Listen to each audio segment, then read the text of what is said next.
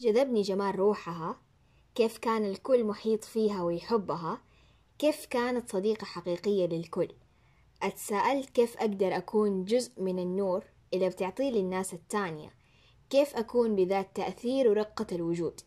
حاولت أتقرب منها بدأ الموضوع باستفزاز ونقاشات حادة كنت بحاول أوصل لعمقها على قد ما كانت تعصب بس ولا مرة خلتني لوحدي.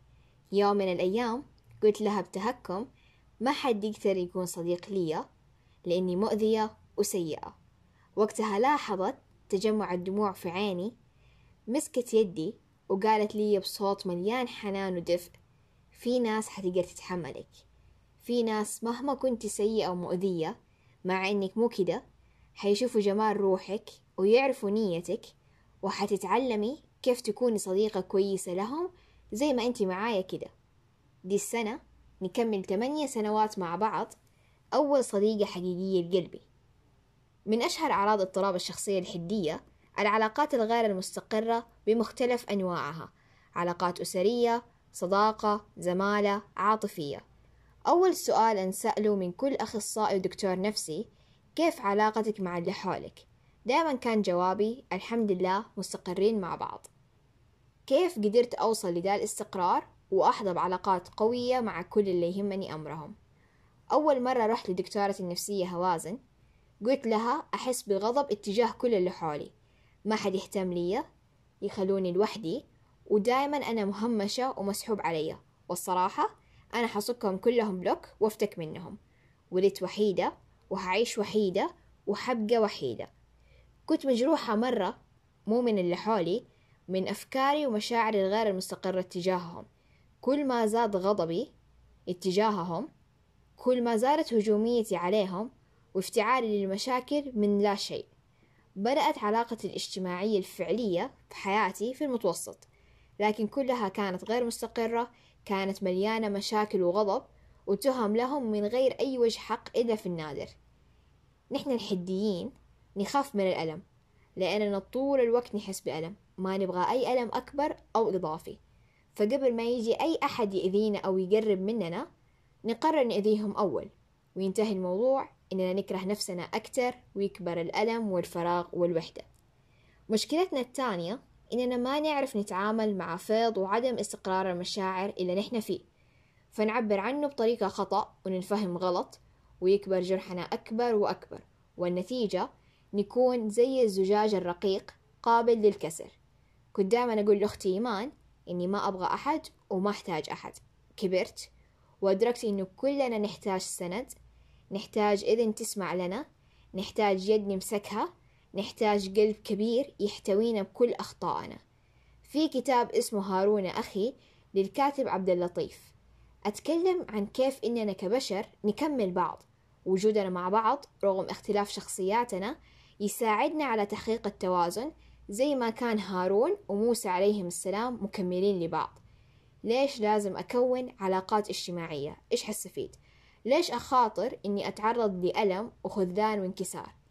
لأننا بنتعامل مع بشر المد والجزر في المشاعر طبيعي في وضعنا كحديين بيكون شوية على مستوى أعلى في أي علاقة طبيعي إننا نتعرض لأذية عشان نتعلم كيف نتقبل بعض ونكون متسامحين على قد ما نقدر عشان نحصل نقطة نلتقي فيها ونخفف عبء الحياة على بعض.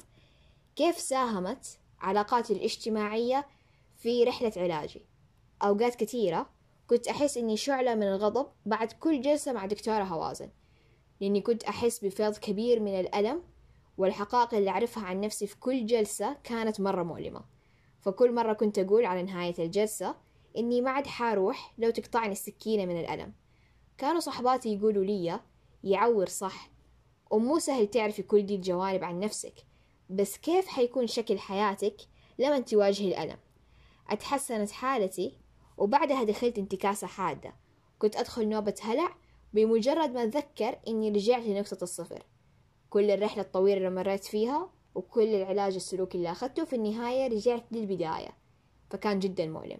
وقتها دقيت على واحدة من صحباتي قلت لها ليش أنا فاشلة كده؟ قالت لي ما أنت فاشلة بس السهم يحتاج يرجع لورا عشان ينطلق بقوة لقدام. الله ما أعطاك دي المعركة غير لأنك تقدري. أول مرة وقفت على مسرح في الجامعة بعد الكورونا جات لي نوبة هلع. قلت في نفسي إيش سويت؟ ده ما هو مكاني. كلهم رهيبين ومحبوبين أنا ولا شيء. أهربي. كان في شيء يمنعني أنزل من المسرح كملت. وبعدها رحت لصاحبتي وأنا أبكي إنها آخر مرة حطلع على مسرح. إذا هي بروفا وجات نوبة هلع إيش حسوي وقت الحدث قدام أربعين عضو هيئة تدريس؟ ما حقدر وقتها. قالت لي لا تكذبي على نفسك. أنت تبغي وتقدري وأنت قدها. وعادي تغلطي بس لا تتخلي عن أحلامك. وغيرها من المواقف اللي كانوا فيها الناس اللي حولي بمثابة نسمة الهواء اللطيفة في فصل الصيف. بمثابة الجذور اللي تمتد في التربة وتخلي الشجرة قوية وشامخة. عشان كده يستحق نعطي نفسنا فرصة وللناس اللي حولنا ونمسك اليد اللي تمتد لنا حتى لو تألمنا أو ألمنا أحد. لا تهربوا لأنه الألم ما حينتهي غير لو واجهناه وما حيزيد شجاعتنا إلا بالرفقة الصحيحة في الطريق. كيف تكون علاقة ناجحة مع حدي؟ وإيش المفروض الحدي يسوي عشان يحقق الاستقرار في العلاقة. نتفق على شيء. أي علاقة هي حصيلة استثمار بين شخصين فلازم كل الطرفين يشتغلوا عشان تنجح العلاقة. بالنسبة للشخص العادي عشان تقدر تنجح وتكون علاقة كويسة مع الحدي في بعض الأشياء حتساعدك. أول شيء الحدي يحتاج مساحته. خليه يحس إنك موجود دائما بس لا تخنقه بالقرب والمساعدة. أتقبله زي ما هو. بدل ما تذكره بنقاط ضعفه علمه يشوف جمال شخصيته لأنه الحدي يكره ويشمئز من نفسه. فيحتاج أشخاص يكونوا مراية صحيحة له يساعدوه يشوفوا نفسه من غير النظرة المشوهة اللي هو ما هو قادر يخرج منها. إذا الحدي أتصرف بطريقة مؤذية أو جارحة لك أعرف إنه بيحاول يعبر عن شعوره بس ما هو عارف الطريقة الصحيحة أو ممكن حاب يختبرك. صح إنه شيء مستفز وصعب بس بمجرد ما يحس بالأمان معاك حيثبت لك كيف هو شخص حقيقي وحنون لأبعد حد. حاول تكون صبور ومراعي. أعطيه الثقة إنه هو قادر وإنه قوي. لا تثقله بالنصايح والتوجيهات. أعطيه مساحته للتعبير عن شعوره ولا تقول إنك حتفهم لأنك ما حتفهم بس حتحاول تتفهم. كحدي إيش لازم أسوي عشان أحافظ على الأشخاص الثمينين في حياتي؟ أهم شيء لا تتمادى. حتى لو عارفين عن مرضك هذا ما يعطيك الحق تسبب لهم الألم. إذا حسيت بالمد والجزر في المشاعر والأفكار تجاههم اهدى. المشاعر والأفكار ما هي حقائق. ما أنت شخص سيء لأنك تحس أو تفكر كده تجاههم. أفكارك ومشاعرك ما هي أنت. خذ مساحة لنفسك ولا تحكم لا تسوي أي شيء حتى تهدى النوبة وبعدها قرر. خفف التوقعات. خلي دائما عندك شخص ثقة يفضل إنه شخص يكون ثابت انفعالي أو أنضج تفكير من الناحية العاطفية. وأهم شيء يكون حيادي. بحيث إذا ما كنت عارف مين غلطان أو إيش لازم تسوي ترجع له. الأفضل إنه يكون أخصائي نفسي. في الوقت اللي تكون فيه مستقر أدعمهم بكل قوتك وعبر عن حبك لهم بكل الطرق عشان يكون رصيد لك إذا في يوم حصل منك أي أذية. في الختام حبيت أشارككم قصة جسدت أعمق وأجمل معاني الحب والتكامل في عيني. اتصل علي أحد معارفي السابقين في العمل التطوعي. قال لي إنه شاف كلامي عن الحدية وقرر يبحث عن الأعراض ويتعمق من باب الفضول ده أكثر. في أثناء ما هو يقرأ عن الأعراض لاحظ إنه صفات كثيرة تنطبق على الإنسان اللي هو معجب فيها وناوي يخطبها. قال لي كنت عارف إنه عندها مشاكل نفسية مرة مأثرة على شخصيتها. فجأة أحسها تحبني فجأة تبعدني. تقلبات مزاجية شديدة نوبات غضب. ما تعرف تعبر عن شعورها وغيرها من الأعراض. قررت أصر عليها تروح عند أخصائي نفسي عشان ما أبغاها تعيش أكثر في الألم. وفعلا شخصت بالحدية وحاليا بتتعالج ومرة فخور فيها وقريب رايح أخطبها. سألته ما هو مزعج ومتعب إنك تكون مع شخص زي كده؟ خصوصا إنه في الأساس حتى لو الشخص سليم ما هو سهل تكون في علاقة عاطفية.